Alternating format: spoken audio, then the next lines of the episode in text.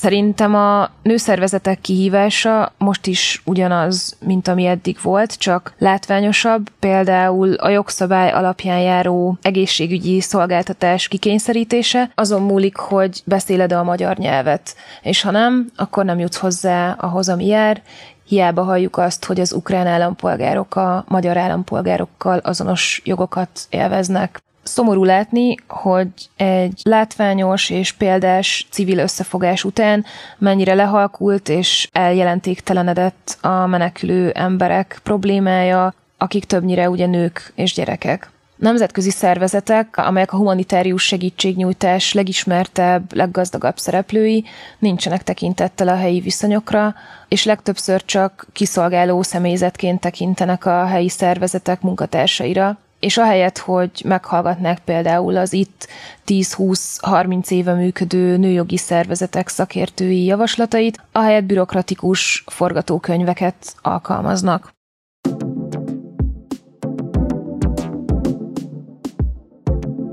Sziasztok! Ez itt a Zsófilter, a Partizán feminista podcastja. Én Balog Zsófi vagyok, az imént pedig Szalóki Ágnest hallottátok, nem, nem az énekesnőt, hanem a Patent Egyesület szakértőjét, aki jól összefoglalta a következő egy óra tematikáját, ugyanis az Ukrajnából menekült nők ellátásában résztvevő magyar nőszervezetek tevékenységéről lesz szó a hazai ellátórendszer és a nemzetközi humanitárius szervezetek hálójában. A Patent és az Emma Egyesület közös, nemzetközi forrásokból finanszírozott, menekült nőkre fókuszáló segítő tevékenysége április óta zajlik. Én magam is érintett vagyok ebben a munkában, idén májusban félállásban csatlakoztam a patent csapatához, ahol a nemzetközi érdekérvényesítés területén dolgozom.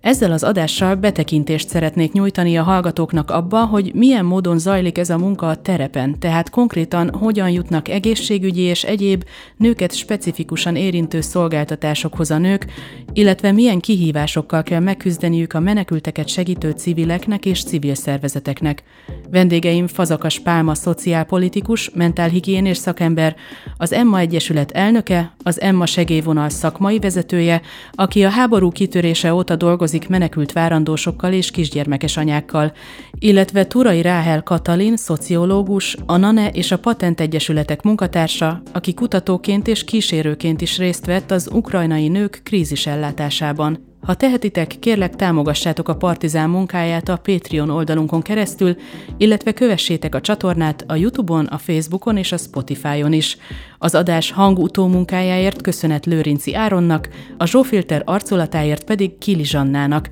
Köszi, hogy itt vagytok, kezdünk!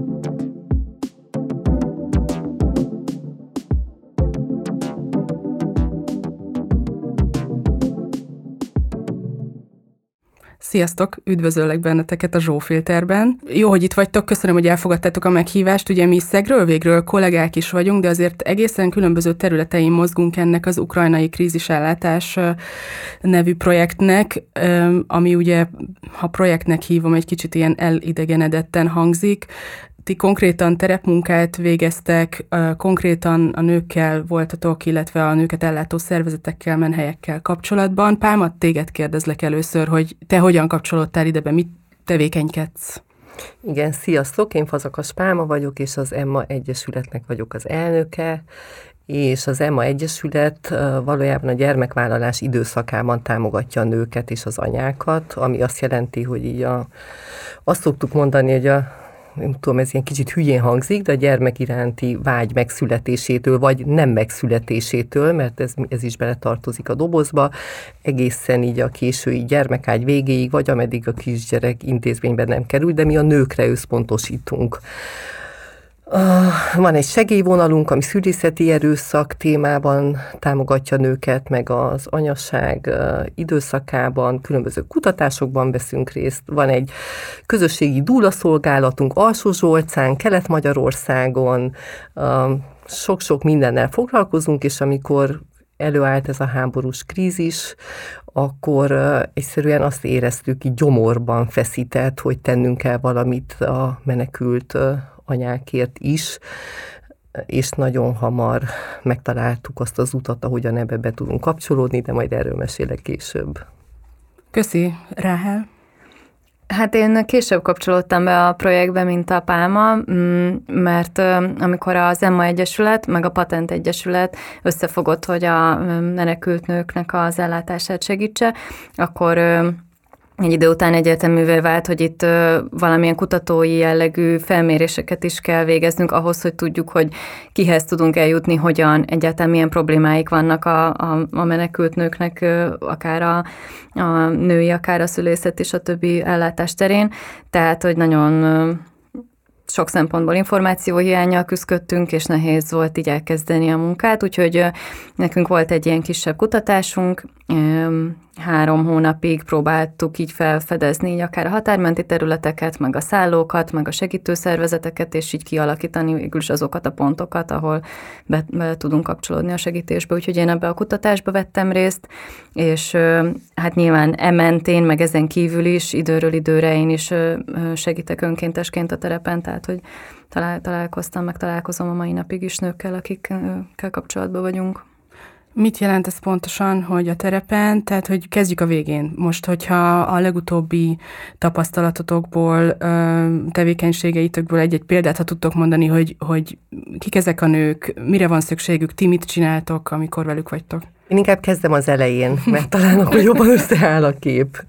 hogy amikor e- elkezdődött a menekült hullám, akkor hát nagyon, nagyon sokan segítettek pályaudvarokon mindenhol, és néztük azt, hogy mi ilyen kis civil szervezetként, mert egy kis civil szervezet vagyunk, nagyon bekorlátozott emberi erőforrásokkal, hogyan tudunk a legjobban személyre szabott segítséget adni a várandós nőknek, a szülés körüli nőknek és a kisgyerekes menekült anyáknak,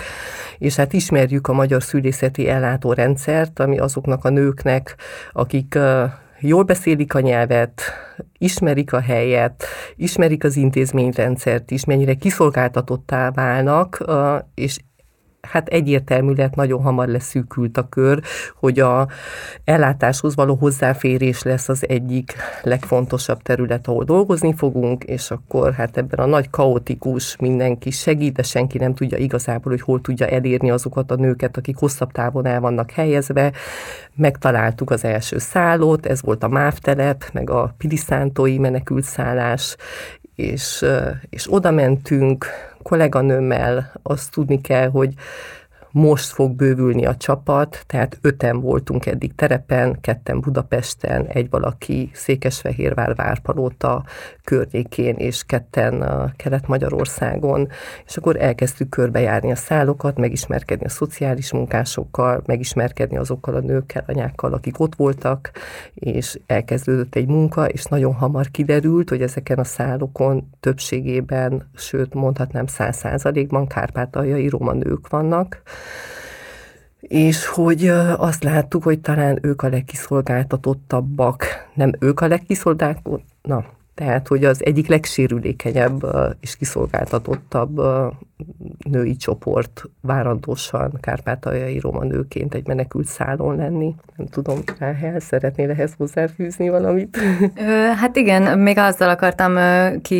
kibővíteni, hogy, hogy ugye a Patent Egyesület a másik partner ebben a projektben, így az Emmával együttműködve, és hogy ezért sokkal tehát, hogy még annyival is szélesebb a, az ellátásoknak a köre, hiszen ugye a Patent Egyesület alapvetően nők elleni erőszakkal foglalkozik, és reprodukciós jogokkal, amiben nyilván a, a terhesség, várandóság is beletartozik, de hogy uh, itt számunkra nagyon fontos volt a fogamzásgátlásban uh, nyújtott segítség, azoknak az igényeknek a feltérképezése, vagy az, az a segítségnyújtás, uh, ami akár adott esetben terhesség megszakítás is lehet. Tehát, hogy nyilván egy ilyen uh, nagyon kiszolgáltatott helyzetben uh, sokan uh, nem akarnak gyereket vállalni, uh, és kicsit próbáltuk feltérképezni a párkapcsolati bántalmazást, a szexuális kihasználást, visszaélést, amiről szintén hát inkább csak ilyen anekdota szintjén lehetett hallani, de hogy azért lehet tudni, hogy így főleg a határ mentén a legkiszolgáltatottabb nők körében ez is megjelent. Úgyhogy így eléggé egy ilyen nagy falat szerintem az, hogy mik azok a problémák, amik a nőket sújtják jellemzően ebben a helyzetben, és mi mit tudunk ebben segíteni. Igen, ugye nagyon sok téma van, ami ide kapcsolódik. Egyrészt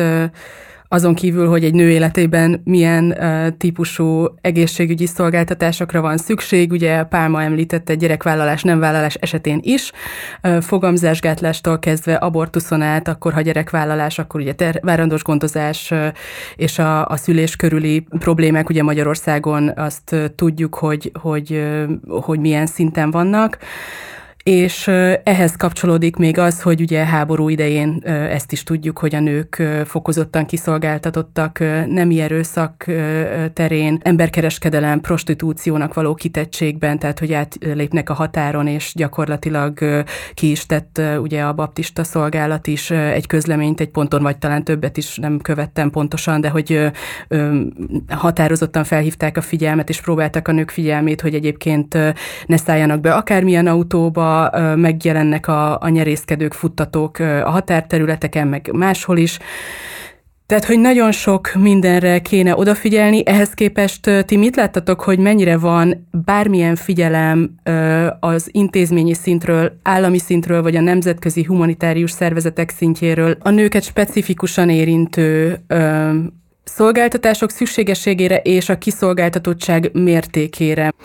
Amikor mi elkezdtük ezt az egész munkát, akkor a feltérképezésnek az első stációja az volt, hogy körbeutaztuk a határátkelő helyeket. Voltunk Záhonyba, Beregsurányba, Tiszabecsen, azt hiszem az a harmadik, és mindenhol fölvettük a kapcsolatot az ott dolgozó szervezetekkel, akik fogadják a menekülteket. Igazából én akkor azt láttam ott, hogy tehát erre egyszerűen nem azért, mert tapintatlanok, meg nem érdekli őket, az ott dolgozókat, hanem egyszerűen nincsen tere ennek. Tehát ilyen traumatizált állapotban érkeznek ezek a nők a gyerekekkel. Van, aki mesélte ott Becsen a Máltainak az egyik munkatársa, hogy rátette a lábát a gázra Kijevben, és akkor vette le, amikor kiszállt a gyerekekkel az autóból. Mi azt tudtuk tenni, hogy átadtuk nekik az információt, hogy van ez a közös segítő programunk a patentel, és hogyha olyan esettel találkoznak esetleg, mert hogy ezek tranzithelyek, tehát jönnek, esetleg regisztrálják őket menekültként, kapnak forró teját, alszanak egyet, és utána mennek tovább. Nagyon sokan átutaznak Magyarországon, de hogyha mégis beszélgettünk nagyon sokat ezekkel a szociális munkásokkal, meg különböző szeretetszolgálatok munkatársaival, érzékeny emberek. Nekem ez volt a tapasztalatom. Úgy láttam, hogy vették az információt, hogyha ilyennel találkoznak, akkor legalább van egy eszköz a kezükben, hogy hova lehet őket tovább irányítani, és hogy gyakorlatilag ezt is szolgálja az a segélyvonal, amit közösen el, elindítottunk, amit lehet hívni a hét minden napján, és most már oda is érkeznek be hívások, általában az, egy másik célcsoport, mert egy másik csoportja a menekültnőknek, akik nem a szállokon vannak, hanem már különböző a lakásokban, apartmanokban elhelyezve, úgyhogy nekem, én terepen itt Budapest környékén vagyok, ezt látom, én erről tudok beszélni, tehát ezt a részét talán tudom rá el, hogyha van tudásod. Igen, és bocsánat, hogy még közben szúrom azt, hogy, hogy valóban azt is tudjuk, hogy nagyjából civilek önkéntesek végzik ezt a segélynyújtást február vége óta a menekültek számára, és azért is kérdezem tőletek, hogy láttatok-e a terepen bármiféle ö, olyan támogató intézkedést, erőforrást, amit ezek a szociális munkások vagy civil önkéntesek bármilyen módon igénybe vehetnek, vagy gyakorlatilag a, az EMA és a patent nyújtotta, nem tudom, segélyvonal felé, vagy információs anyagok felé lehet őket csak terelgetni. Tehát, hogy így állami szintről megjelenik-e bármiféle figyelem erre? Hát én, igen, úgy kapcsolódnék ehhez, hogy, hogy én azt láttam, hogy, hogy magukra vannak hagyva maguk a segítők is, tehát hogy gyakorlatilag az ő egyéni tudásukon, kapacitásukon, jó szándékukon, múlik, hálójukon. Hogy, hogy mit és hogyan tudnak segíteni, és, és amiket így érzékeltünk esetleg hiányosságokat, az azt gondolom, hogy részben azért van, mert nincsenek felkészítve rendesen arra, hogy mire kell egyáltalán figyelniük, és hogy nagyon sokszor így a puszta jó indulat nem elég, mert mondjuk ők is hamar kiégnek, illetve egy csomó szól, tehát hogy mondjuk nincsenek kellőképpen képezve arra, hogy felismerjék az esetleges bántalmazó kapcsolat jeleit, vagy hogy hogyan kell eljárni, hogyha, hogyha van egy balhés pár, akkor ott sokszor ugye azt külön kéne vizsgálni, hogy mi történik ott a párkapcsolaton belül, és nem pedig egyben kezelni őket, mint balhésokat. Tehát, hogy, hogy egy csomó olyan pont volt, amikor, amikor ilyen nagyon tényleg ilyen megható odafigyelést, meg áldozatkészséget tapasztaltunk, és néhány olyan, amikor meg hiányosságot. Szóval szerintem a, az intézményes szinten, ami mondjuk a magyar államtól eredt, én nem, nem láttam azt, hogy nagyon sok kapaszkodót kapnának az ellátásban dolgozók, akár önkéntesek, akár szakemberek, tehát hogy van egy ilyen nagyon erős gyerekfókusz szerintem az ellátásban, ami, ami akár jó is lehet, de az, hogy mik a, a nőknek a sérülékenységei, kiszolgáltatott pontjai, és hogy azokra hogyan kéne reagálni, én arra nem nagyon láttam egy ilyen szisztematikus jelenlétet, de nem, mint hogyha meg lennék lepve. Tehát... Igen, én is azt tapasztalom, hogy mivel nincsenek kialakult folyamatok, nincsen tapasztalat, nincsen rutin a menekült ellátásban, ezért nagyon egyéni az, hogy uh, melyik szociális munkás hogyan tud helytállni ebben az igen megterhelő, számukra is igen megterhelő helyzetben. Ugyanazt tapasztalom, mint a Ráhel, hogy uh, nem nagyon van segítség, tényleg a saját kapcsolati tőkén múlik, meg a saját ismeret, meg tudás, meg tapasztalat anyagon azt, hogy ki mennyire érzékeny. Um, de hogy vannak nagyon jó tapasztalataim, és persze nagyon rosszak is ezzel kapcsolatban, de hogy ezt nem lehet ráhúzni arra, hogy azért, mert szarul működik, igen, tudjuk, hogy rosszul működik a rendszer, de hogy így egyszerűen azért, mert semmiféle képzettség nélkül mondjuk a hajléktalan ellátásból mennek át szociális munkások, vagy pálya elhagyó munkások mennek most a menekült ellátásba, és hogy semmiféle segítségük nincsen abban, hogy hogyan lehet ezekben a nehéz helyzetekben. A civil szervezetek ott vannak, azt látom, tényleg iszonyatos nagy munkát és értékes munkát végeznek, és szerintem így nélkülük ez az egész már rég összedőlt volna. És én azt is látom, hogy, vagy én azt tapasztaltam legalábbis, hogy, hogy örülnek, hogy vagyunk, tehát, hogy akikkel együtt dolgozunk, azok, azok nekem, nekem úgy tűnt, hogy örültek, hogy Igen. van ez a patentem a tevékenység, és hogy akkor egy kicsit, kicsit átadtatnak belőle, vagy ők maguk is kapnak valami kicsit több segítséget abban, hogy, hogy tényleg hogyan kezeljék az ügyeket, amik így eléjük jönnek. Tehát, hogy nekem ez egy ilyen nagyon pozitív tapasztalatom volt, egyrészt, amit szoktak mondani ugye az ukrán válság kapcsán, hogy így megmozdult az ország, meg hogy nagyon sokan segítettek, tehát ezt én tényleg tapasztaltam, és hogy talán így a, nőszervezetek felé is én, én kellemesen csalódtam, hogy ilyen nyitottságot láttam az együttműködésre. Igen. A, tehát nem is lehet ezt a munkát másképpen végezni. Egy olyan szálon, ahol van 70-80 ember, tehát hogy ott csak partnerként lehet az ott lévő szociális munkásokkal együtt dolgozni, és azt látom, hogy így közösen tanuljuk ezt a munkát. Tehát amikor oda megyünk egy szállóra, először fölveszünk a kapcsolatot az ott dolgozókkal, leülünk, átbeszéljük, mi a helyzet, mik a nehézségeik, akkor az a célcsoport, akiket mi tudunk segíteni, hogyan tudjuk segíteni, hány olyan nő van. Tehát a legkönnyebb a várandósokat megtalálni tehát mert azért látható. És akkor, és minden egyes alkalommal, amikor minden hetente megyünk általában a szállásokra, vannak egyéni kísérések, és minden alkalommal úgy kezdjük, hogy leülünk, most már tényleg egy ilyen szakmai kapcsolat alakult ki az ott dolgozókkal, átbeszéljük, hogy az elmúlt egy hétben mi történt, mire van szükségük segítségre, de hogy ez egy ilyen, tehát amit az Emma csinál a terepen, tehát elkezdjük mondjuk egy idegen helyen, csak hogy el tud képzelni, elmegyünk egy szállóra, ahol még nem voltunk, akkor ott ki kell építeni építeni az odolgozókkal is egy bizalmi kapcsolatot, hogy egyáltalán ott lehessünk, hogy így meglegyen az a fajta bizalom, hogy nem akarjuk őket uh, kiátszani, nem akarjuk őket elárulni, nem fogunk ellenük dolgozni, és akkor utána egy-két, mondjuk három nő, aki ebben a gyermekvállalási időszakban van, elkezdődik egy folyamat. De hogy ez egy ilyen kölcsönös bizalomépítés, tehát hogy a nők nem fognak semmit mondani addig, mert hogy annyi csalódás érte őket életükön keresztül, ameddig tényleg nem bizalom bizonyosodnak be arról, vagy nem, nem nem, nem érzik meg azt, hogy a szándék, amivel oda mentünk, az egy partneri szándék, hogy ez a kapcsolat, amiben ők most belecsöppentek, ez egy egyenrangú kapcsolat, tehát nem hatóságként vagyunk ott, nem akarjuk nekik megmondani, hogy mit kell csináljanak, nem fogjuk megszidni, hogyha nem megy el egy vizsgálatra, ami le volt beszélve, hanem odaülünk mellé, és partnerként, és ez egy nagyon hosszú folyamat, de ami a végé, végeredmény az az, hogy, hogy, hogy ötödik, hatodik, hetedik alkalom, amikor megyünk, akkor ez a hír elterjed, és akkor oda jön a többi nő, és elkezdik mesélni, hogy milyen nőgyógyászati problémáik vannak, kinek van szüksége fogamzásgátló eszközre, ezek tabu témák, tehát hogy eleve az, hogy ilyenekről nem igazán illik beszélni ebben a közösségben,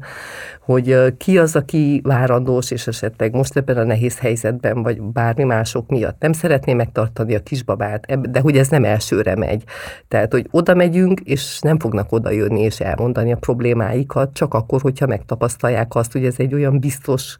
kapcsolat, bizalmi kapcsolat, amiben ennek helye van. Igen, hogyha egy személyes szállat én is hozhatok ebbe, én egy alkalommal mentem látogatni igazából segítő beszélgetés céljából a, az egyik menhelyre két fiatal lánya beszélni, 17-18 éves, szintén kárpátaljai roma lányokkal, és már amikor mentem, akkor éreztem, hogy ez így a kompetencia határomat súrolgatja. Én ugye a NAN és telefonos segélyvonalas képzettségem miatt lettem megkeresve, hogy, hogy menjek velük, csak egy, egy támogató beszélgetés, meg feltáró beszélgetés folytatni. Az egyik lány már szülés előtt volt éppen, hogy a másik lánynak egy hat hónapos kisfia volt. Szóval, hogy megérkeztem, és akkor abszolút nyilvánvaló volt, hogy mind a két fél igazából néz egymásra, hogy most akkor itt hogy kezdjük ezt el. Tehát, hogy egyrészt én most hello, ide jöttem beszélgetni veletek, most mondjátok el, hogy mi van, hát ez itt nem így megy. Ö, és éreztem, hogy, hogy itt nagyon óvatosan kell feléjük közeledni is, kérdezni is, és ö, sikerült aztán egy nagyon jó beszélgetést folytatni, de tulajdonképpen amiért én ott voltam, egyáltalán nem arra volt szükségük nekik. Tehát, hogy a segítő beszélgetés az ő életükben akkor abban a krízis helyzetben, hát így köszönik szépen, de kitörölhetik vele, és ö, ö, lakhatásról volt szó, arról, hogy, hogy egyébként ezen a menhelyen egy tornacsarnok szerűben vannak ö, sokan, nincs, ö, amikor mondjuk szoptatni akarna az anyuka, vagy amikor ö, bármit elvonulni, akkor nincs a számára egy, egy privát helyiség, tehát hogy ilyen nagyon-nagyon nyers gyakorlati dolgok, étkezés, ö, privát szféra, és az orvosi vizsgálatok, ugye, hogy ahhoz hogy férnek hozzá, hogy, men, hogy jutnak el oda, ki kíséri őket, és ugye itt jöttök Beti, hogy ugye van a terepmunka része, és emögött van egy, egy rendszer, amit kiépített az EMMA, meg a, a patent is, ö, ugye beérkeznek a, az igények a szervezetek felé, és a, a szervezeteknek azt is meg kellett oldani, hogy egyébként a, a szolgáltatók részéről, tehát az orvosok és egyéb egészségügyi szolgáltatók részéről ki az, akihez lehet menni, ha fogamzásgátló eszköz kell, ha várandós gondozás kell, amit ugye mondtál, Pálma, hogy nehogy megtörjön ez a bizalmi viszony, hogyha egy olyan orvoshoz kerülnek, vagy olyan intézménybe kerülnek, és erről szeretném, ha beszélnétek egy kicsit, hogy mik voltak a tapasztalatok, amikor az egészségügyi rendszerbe kísértétek mondjuk ezeket a nőket. Tök jó, hogy mondod egyébként ezt, hogy, hogy nem mindig a segítő beszélgetés, amire leginkább szükség van, mert néha annyira primér szükségletek vannak, vagy, vagy nem, is, nem is feltétlen egy olyan típusú beszélgetés. Nyilván egy jó szó, az sokat számít meg, hogy emberi közeledjünk hozzájuk, de, de tényleg az, hogy nem is gondolná az ember, hogy hogy mekkora segítség az, hogy akkor neki nem egyedül kell mondjuk kikutatnia, hogy melyik rendelőhöz tartozik, hanem akkor abban mi segítünk, és most egyben próbálok válaszolni a kérdésedre is,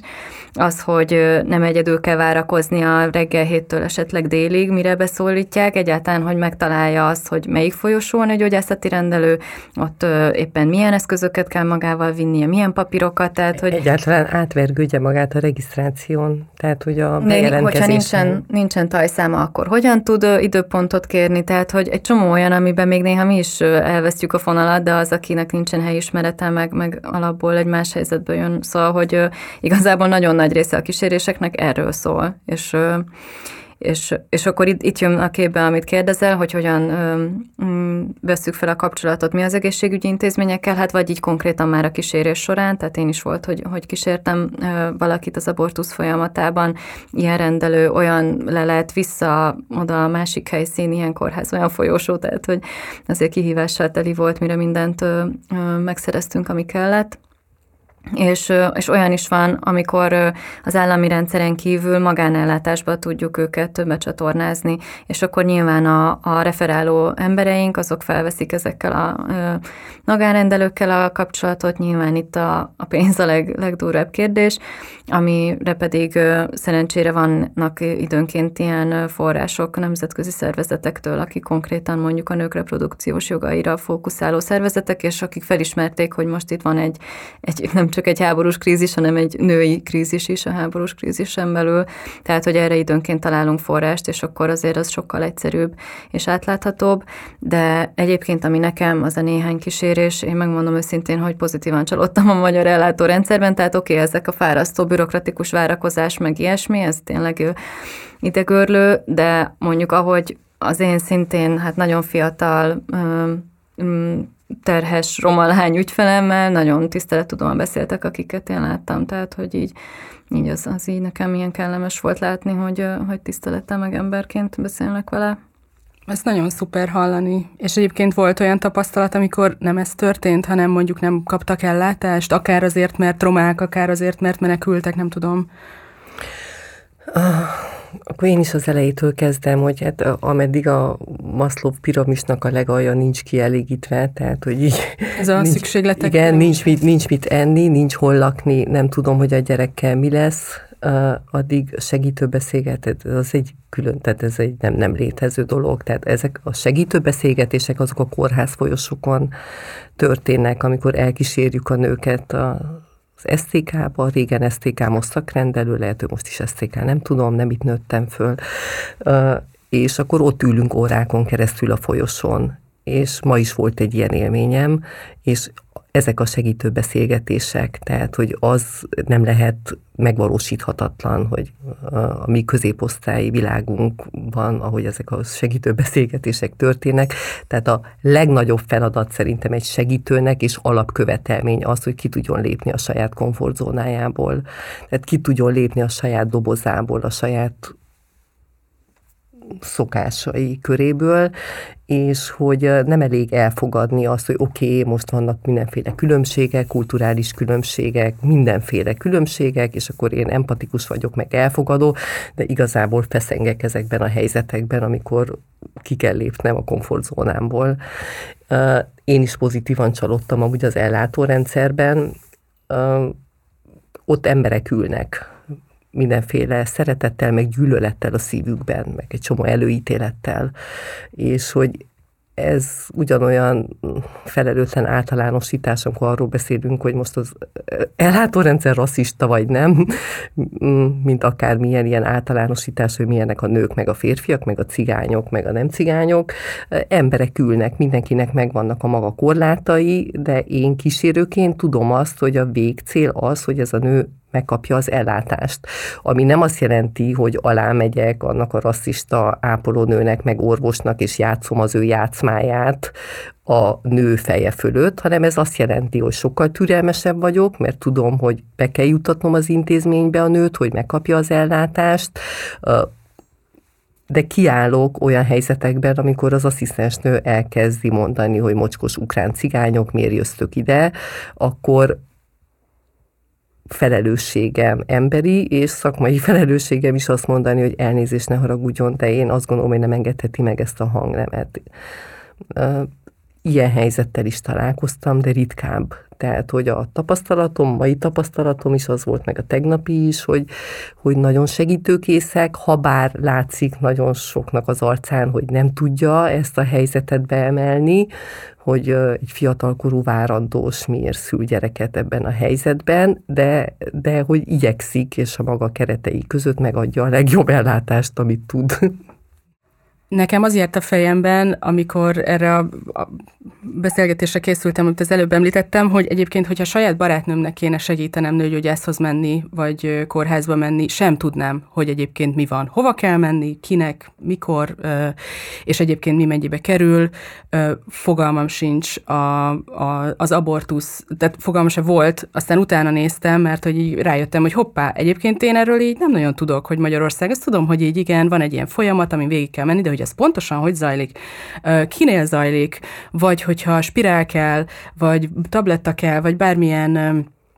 fogamzásgátlási eszköz megoldás, akkor az mennyibe fog kerülni, hogy különböző típusai vannak a spirálnak, és nem mindegy, hogy miért, hogy annak milyen komplikáció lehetnek. Tehát, hogy ez a munka, ugye az, hogy kísérés, az azért sokkal több annál, mint hogy fizikailag elviszek valakit valahova,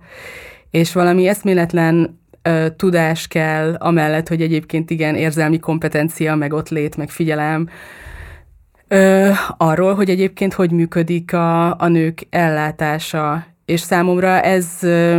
volt nagyon egy ilyen, igen, egy ilyen, egy ilyen ébresztő is, hogy azért a saját köreimben sem tudom ezeknek, pedig igen, Budapest középosztály, kényelmes élet, van pénzem, tudok magámba menni, izé, izé, izé, van választásom. Szóval, hogy, hogy ez valami hihetetlen, hogy egyébként milyen nehéz egyébként is elérni ezeket a szolgáltatásokat, meg mennyire nincs róla információnk. Hát nincs róla információnk, mert nem transzparens a rendszer, először is ott kezdődik. Tehát, hogy nem az van, mint hogyha cipőt szeretnék rendelni, akkor fölmegyek egy webáruháznak az oldalára, és akkor ott van, hogy milyen méretben, milyen színben, ott van a mérettáblázat, hogy tudom megrendelni, mennyibe kerül, mennyibe kerül, hogyha esetleg tengeren túlról jön, minden információ ott van. Ha fölmegyek egy kórháznak, vagy egy szakrendelőnek a honlapjára, hát az igazán kihívás, megtalálni a megfelelő információt. De én nagyon sokszor azt érzem, hogy keringünk a rendszerben, mi, mi is, keringünk a rendszerben, és minden intézményben valami más van. Oké, hogy van egy ilyen, hogy mi annak a folyamata, hogyha egy nő várandós, először el kell menni a szakrendelőbe, akkor a nőgyógyász megállapítja azt, hogy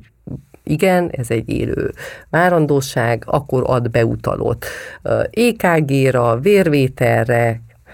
védőnőhöz, ultrahangvizsgálatra, akkor fel kell, tehát megvan ez a folyamat, de hogy így ezen belül kit hol lehet megtalálni, hol lehet időpontot kérni, legtöbb helyen csak online lehet időpontot kérni, tajszámnak a beütésével ezeknek a nőknek. Nincsen tajszámuk, meg menekült státuszuk van, aki kettős állampolgár, az van a legkiszolgáltatottabb helyzetben, mert az ukrán állampolgárok azok kapnak menedékes státuszt, a kettős állampolgároknak semmi nem jár, kettős állampolgárok ott kallodnak a szállokon, a különböző lakásokban, és hogyha nincsen állandó bejelentett lakcímük, nincsen tajszámuk, az alapellátást nem kapják meg.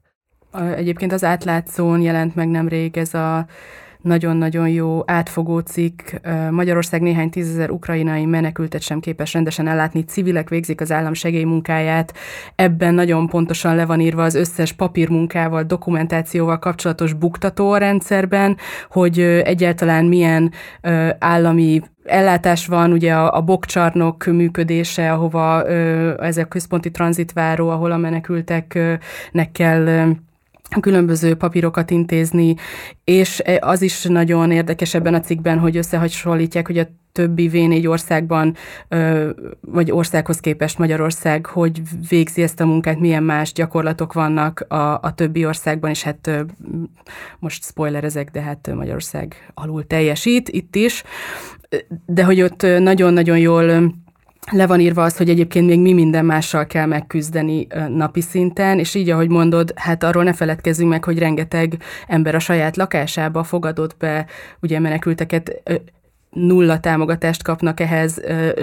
a menekültek sem, és a befogadók sem tudják, hogy meddig tart a helyzet. És a meddig tart a helyzetre akarok egy kicsit rátérni, mert ugye Ráhel említetted, hogy nemzetközi szervezetek támogatásával tud megvalósulni, finanszírozásával ezeknek az eszközöknek, a doktori viziteknek a megvalósítása, megvétele. De hogy ugye tudjuk, hogy a figyelem már lankadt a háború kitörése óta, és eltelt már jó pár hónap, és most jön a tél, megint egy új időszakra, egy sokkal nehezebb gazdasági helyzetben, válságban kell felkészülni. Szóval, hogy, hogy igazából megnyugvás az nincs, és hogy a nemzetközi szervezetek figyelme is lankad, erről majd én is tudok egy pár szót mondani, de érdekelne az, hogy ti mit láttok, mire kell most készülni, mire kell a figyelmet irányítani a tél közelettével, és ennek a figyelemnek a lankadásával számolva? Hát, passz, nem tudom. Tehát annyira kiszámíthatatlan az egész, és, és az, hogy úgy alapvetően milyen irányba fog esetleg romlani a helyzet, így, így akár az adott személyek életébe, akár ugye így globálisan, meg gazdaságilag, nem tudom. De mm, néhányan egyébként, tehát azért van, aki, van, aki el tudott helyezkedni, nyilván a, mm, az egy kisebb réteg, de még a szegény roma nők között is azért van, aki akár ideiglenesen, vagy akár hosszabb távon valamilyen munkát tudott szerezni, és ugye nem beszéltünk még azokról a nőkről, akik szintén itt vannak, de mondjuk nem ebből a kárpátaljai magyar-roma közösségből jönnek, hanem mondjuk ukrán anyanyelvű vagy orosz anyanyelvű menekültek. Ők nagy részt mondjuk egy fokkal jobb helyzetben vannak, mondjuk vendégmunkásként dolgozik itt a férjük, vagy én olyannal is találkoztam, akinek magyar partnere van, és egy budapesti albérletben élnek, tehát hogy nyilván olyan is van, aki, aki valamennyire már így ki tudott alakítani magának egy, egy magyarországi életet, de azért ez, ez a töredéke annak, tehát a, akikkel így mi találkozunk, azért az főleg a, a kiszolgáltatott réteg, akinek nem nagyon van ö, önálló bevétele. Én nagyon sok nővel találkoztam, akinek a jövőképe az, ő haza szeretne menni, hogyha vége a háborúnak. Tehát ő nem azért vannak itt, mert hogy milyen jó az élet, és hogy akkor azzal telik a nap, hogy a férfiak elmennek építőiparba rabszolgamunkát végezni. Pont most hallottam, hogy valójában egy magyar kőműves 60 ezret kér egy napra, menekültek férfiak 20 ezernél többet nem kapnak, tehát iszonyatos azért ez a része is megvan. A nők meg próbálják ott egyben tartani a családot, a gyerekeket valahogy iskolába beintegrálni, és a honvágyukkal alig bírnak megbírkozni. Mind, tehát én, én nem igazán találkoztam olyan nővel, aki azt mondta, hogy ez neki jó, és szeretne itt maradni. Csak azért vannak itt, mert vagy a fia, vagy a férje itt volt már előtte, vagy éppen sikerült még kicsusszanni a, határon, és hogyha most hazamennének, akkor elvinnék őket katonának, vagy börtönbe kerülnének, úgyhogy ezek a nők, ezek a családok kényszerből vannak itt. A másik, amit csak szeretnék helyesbíteni, hogy nem mindenkit viszünk sót, nagyon kevés az a nő, aki magánellátásba kerül. Magánellátásba általában azok kerülnek, akik fogamzásgátlási eszköz, mondjuk spirált szeretnének, vagy a régi spirál begyulladt, valami probléma van, tehát egy olyan komolyabb beavatkozás, és pont emiatt a rossz minőségű spirálok miatt, amiket éveken keresztül hordtak, van egy csomó nőgyászati problémájuk, úgyhogy a, azt a pénzt, amit a donoroktól kapunk, erre, erre fordítjuk. A többi nőt, aki várandos gondoz, azt az állami kereteken belül kísérjük. És azért kell őket kísérni, nem azért, mert hülyék, nem azért, mert buták, mert, mert életképtelenek, hanem azért, mert egyszerűen ott kezdődik, hogy más nyelvi kódokkal beszélnek.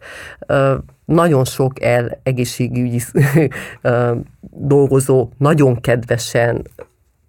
bánik velük, viszont úgy beszélnek, hogy egy mukkot nem értenek ezek a nők belőle. Olyan szavakat használnak, hogy a nők nem értik, hogy mi a problémájuk. Oda mennek a recepcióhoz bejelentkezni, olyan gyorsan és úgy beszélnek velük, hogy nem értik, hogy mit kérnek tőlük, tehát ez is, ez, ezt is meg kell tanulni egy terepmunkásnak, hogy leülök, és akkor nem azt mondom, hogy milyen információra van szükséged, hanem azt kérdezem tőle, hogy, hogy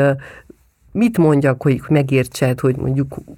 hogy fog történni a szülés. Tehát itt teljesen le kell bontani, és ők is úgy beszélnek, hogy mi nem értjük. Tehát közelíteni kell ezeket a különbségeket, de most valamivel belekeveredtem, nem ezt akartam mondani. Na, csak ugye ezt tisztázzuk, hogy nem az van, hogy minden ukrán menekült nőt magánellátásba viszünk, amihez a magyar állampolgároknak sincs hozzáférése, bezzeg a menekültek ezt megkapják, hanem speciális esetekben kerülnek a nők magánellátásba.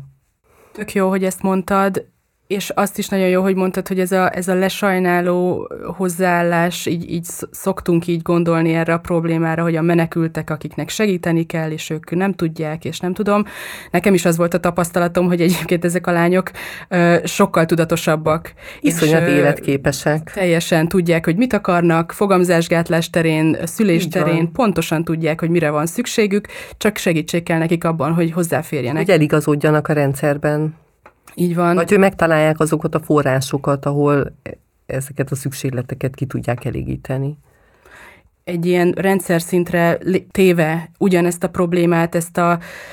felülről lesajnáló hozzáállást érzékelem én a patentes munkámban, a nemzetközi szervezetekkel való kapcsolattartásban. Ugye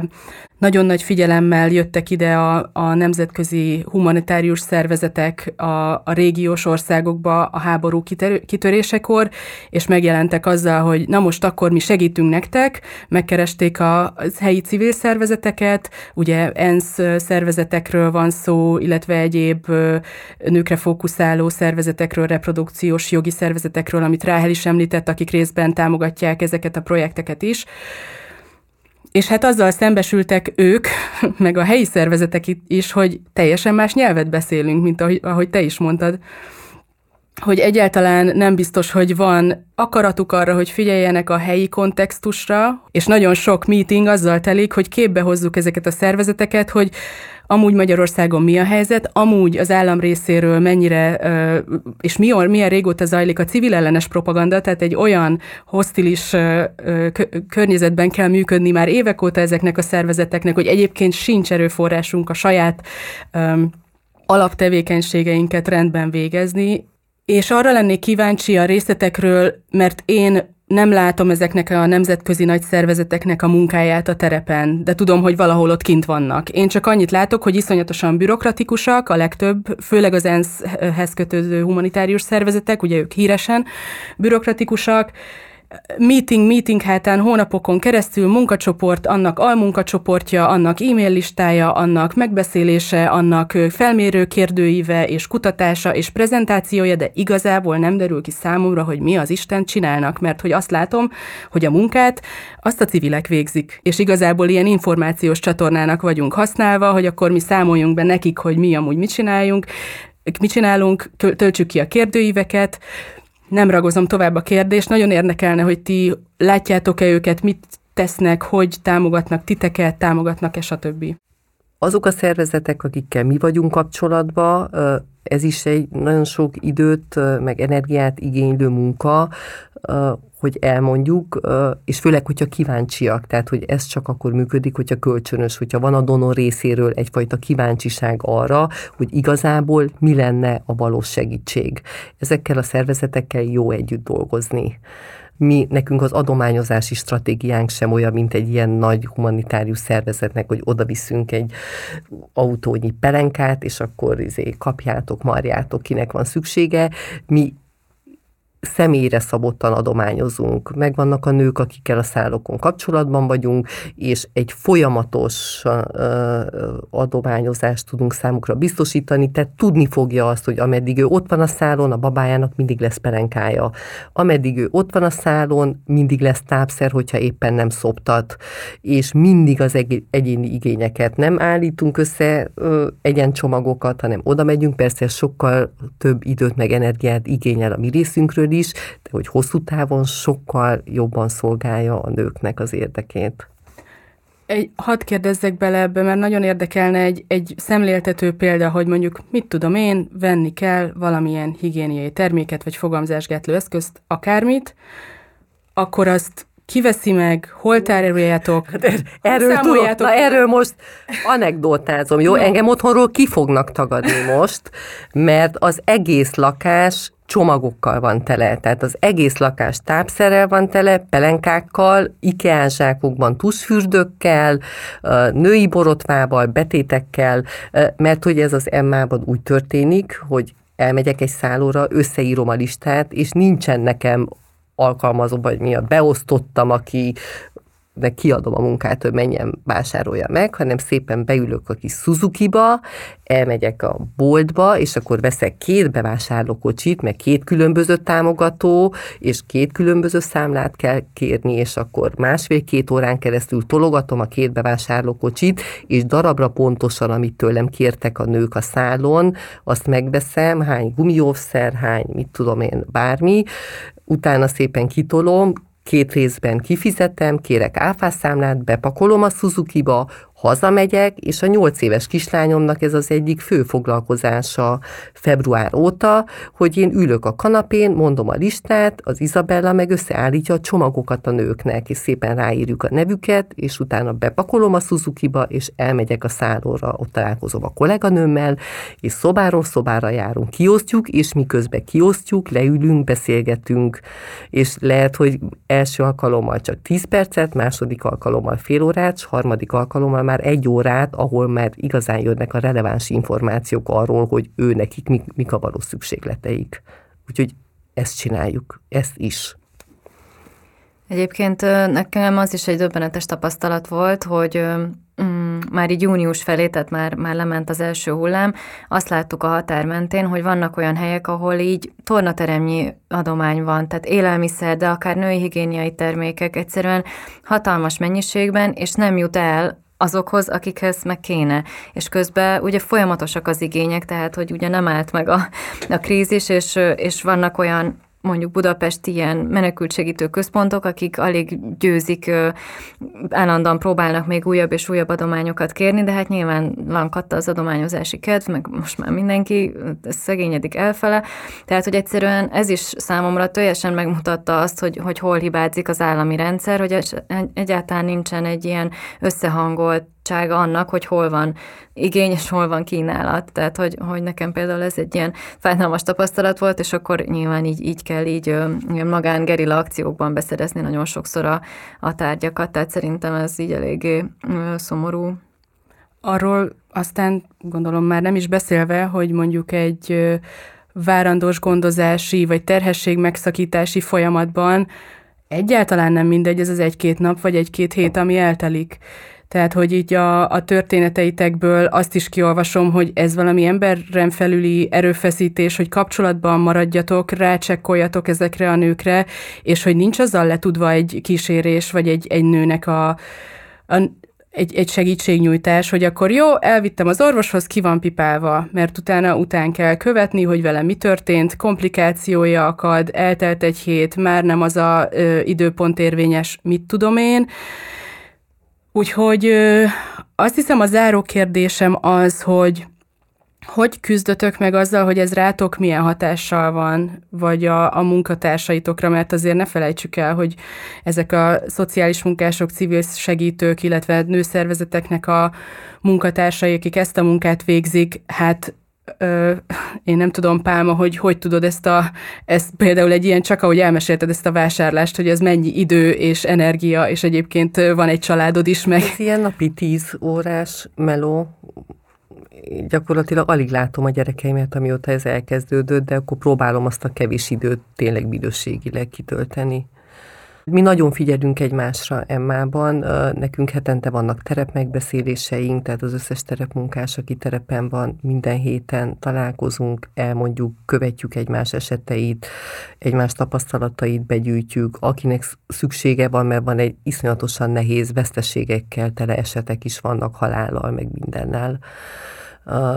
akinek szüksége van egyéni szupervízióra, az megkapja az egyéni szupervíziót. Most tervezzük azt, hogy csoportos szupervízió legyen mindenkinek, és hogy így esténként is van úgy, hogy az Annával, a Sárdi Annával, akivel ketten dolgozunk itt Budapesten, órákat, másfél órákat beszélünk telefonon, mert hogy bekúszik a magánéletünkbe. Tehát ezekkel a nőkkel alszunk,